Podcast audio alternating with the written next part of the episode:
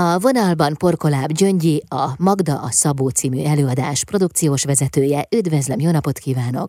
Jó napot kívánok, én is sok szeretettel köszöntöm a hallgatókat is. Az idén 105 éve született Szabó Magda hatalmas és szerteágazó életművét olvasva mindig találunk olyat, ami inspirál. Szombaton a Várkert bazárban egy egész napos rendezvényel emlékeznek a Kossuth Díjas íróra születésnapja alkalmából, és ennek keretében láthatja a közönség a Magda a Szabó című előadást. Mi derül ki ebből a darabból Szabó Magdáról? Ugye ebben a darabban, ha lehet ilyet mondani, teljesebbé válhat a nézők számára a Szabó Magdáról eddig kialakított ikonikus női kép. Hogy mit értek ez alatt?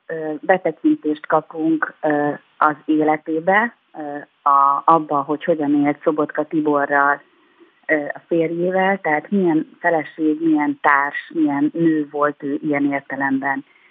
Talán az előadás végén arra is választ kaphatunk, hogy, hogy hogyan is lett ő olyan Szabó Magda, akit mi ismerünk, vagy mitől is lett ő ilyen, hiszen, hiszen ők íróházas párként élték az életüket, és hát nagyon sok ember számára hasonló szituációban, vagy szituációkat éltek meg ők maguk is.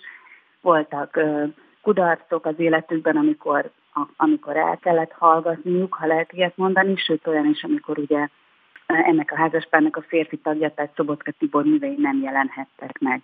Úgyhogy nagyon érdekes, az élet határkérdéseivel is foglalkozunk, nagyon sok olyan titok nyílik meg a, a néző számára, amit aztán ő vihet tovább, és a saját élményével gazdagodva alakíthatja magában azt a fajta mélyességet, játékosságot és humort is, amit megtudunk Szabó Mazzáról. A te ötleted alapján írta és rendezte a darabot Mészáros Tibor. Két színművész is szerepel a darabban, az egyik Mészáros Tibor maga a rendező, a másik Rajcsi Nikolett. Hát ők nyilván a házaspárt alakítják, gondolom. Igen, ők a házaspárt alakítják, és az az érdekessége még ennek, hogy ők az életben is házaspárt alakítanak, három gyermeknek a szülei, és ez egy közös alkotási folyamat volt, hiszen 2019-ben mutattuk be először ezt a darabot, és azóta sok helyen vidéken is találkozott a közönséggel, tényleg azt tudom mondani, hogy Szabó Magda élete, és, és nagyon közel került sokakhoz. Úgyhogy mi nagyon örülünk annak, hogy ezen az emléknapon, ami szerintem egy nagyon érdekes és különleges programot kínál mindenkinek, bemutathatjuk a Várkert Bazárban ezt az előadást is.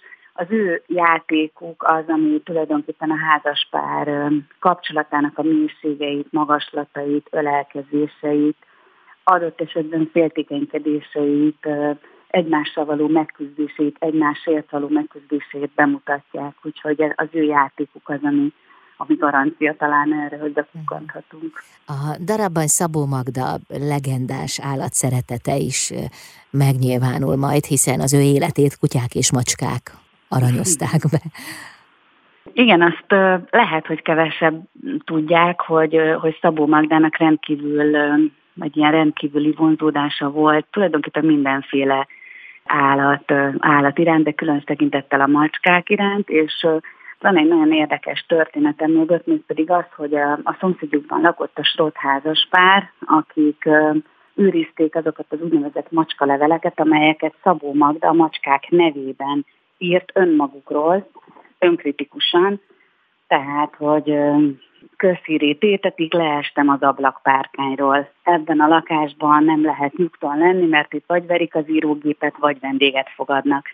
Szóval kicsit tükröt tart önmaguknak, és ezek a macska levelek halála után kerültek a jogutódhoz, Tasi Gézához, és az ő jóváhagyására vagy támogatásával jelenhettek meg. Úgyhogy megpróbáltuk ebbe az előadásba valóban ezt is becsempészni, és hát ez nagyon izgalmas dramaturgiai megoldással a színészek néha a kis a macskáknak a, a bőrébe bújnak. Úgyhogy tényleg ez egy azért érdekes dolog, mert az ő életében a macskák annyira fontos szerepet töltöttek be, sokszor mondta, hogy állatok nélkül lehet élni, de nem érdemes sőt a végrendeletében meghagyta a jogutódnak, hogy támogasson állatvédő szervezetet, és ne hagyjon állatokat segítség nélkül. Nyilván egy nagyon-nagyon érdekes humorral, hihetetlen játékossággal tette, és ez is újszerű lehet talán sokaknak Szabó Magdával kapcsolatban. Szombaton lehet tehát megnézni az előadást a Várkertben. Magda a Szabó. Nagyon szépen köszönöm, sok nézőt kívánok. Még annyit árulj el, Gyöngyi, hogy viszitek-e máshová is ezt az előadást?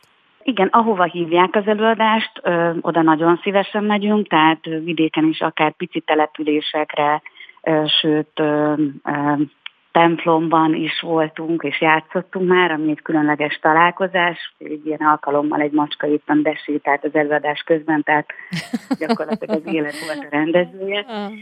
Talán, talán még annyit a hallgatóknak el lehet mondani, hogy nagyon gazdag programok várják ezen a napon a Várkertben a az odalátogatókat és a Szabó Magda rajongókat, gyerekeket is, hiszen a Bárány Boldizsár című előadás lesz a gyerekeknek, az Ajtó című filmvetítés, illetve Szeliden és Szilárdan című színházi előadás is lesz, meg, meg egy nagyon érdekes irodalomtörténész Ketszán Marian előadása, úgyhogy én arra biztatok mindenkit, aki egy picit is felkeltettük az érdeklődését, hogy látogasson el a Várkertbe. Szombaton, mert biztos, hogy talált programot. Egy érdekes jótékonysági megmozdulás is kapcsolódik ehhez a naphoz, még pedig az ökumenikus segélyszervezettel együttműködve könyvfelajánlásokat várunk, Szabó Magda könyveket, amelyeket hátrányos helyzetű családoknak fogunk, illetve fognak a Várkert kollégái eljutatni itt lehet gyerekregényeket hozni, Tündérlala, Bigél,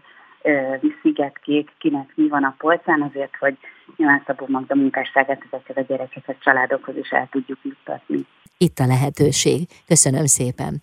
Köszönöm szépen. Porkoláb Gyöngyi, a Magda a Szabó című előadás produkciós vezetője volt a vendégem itt az Intermedzóban.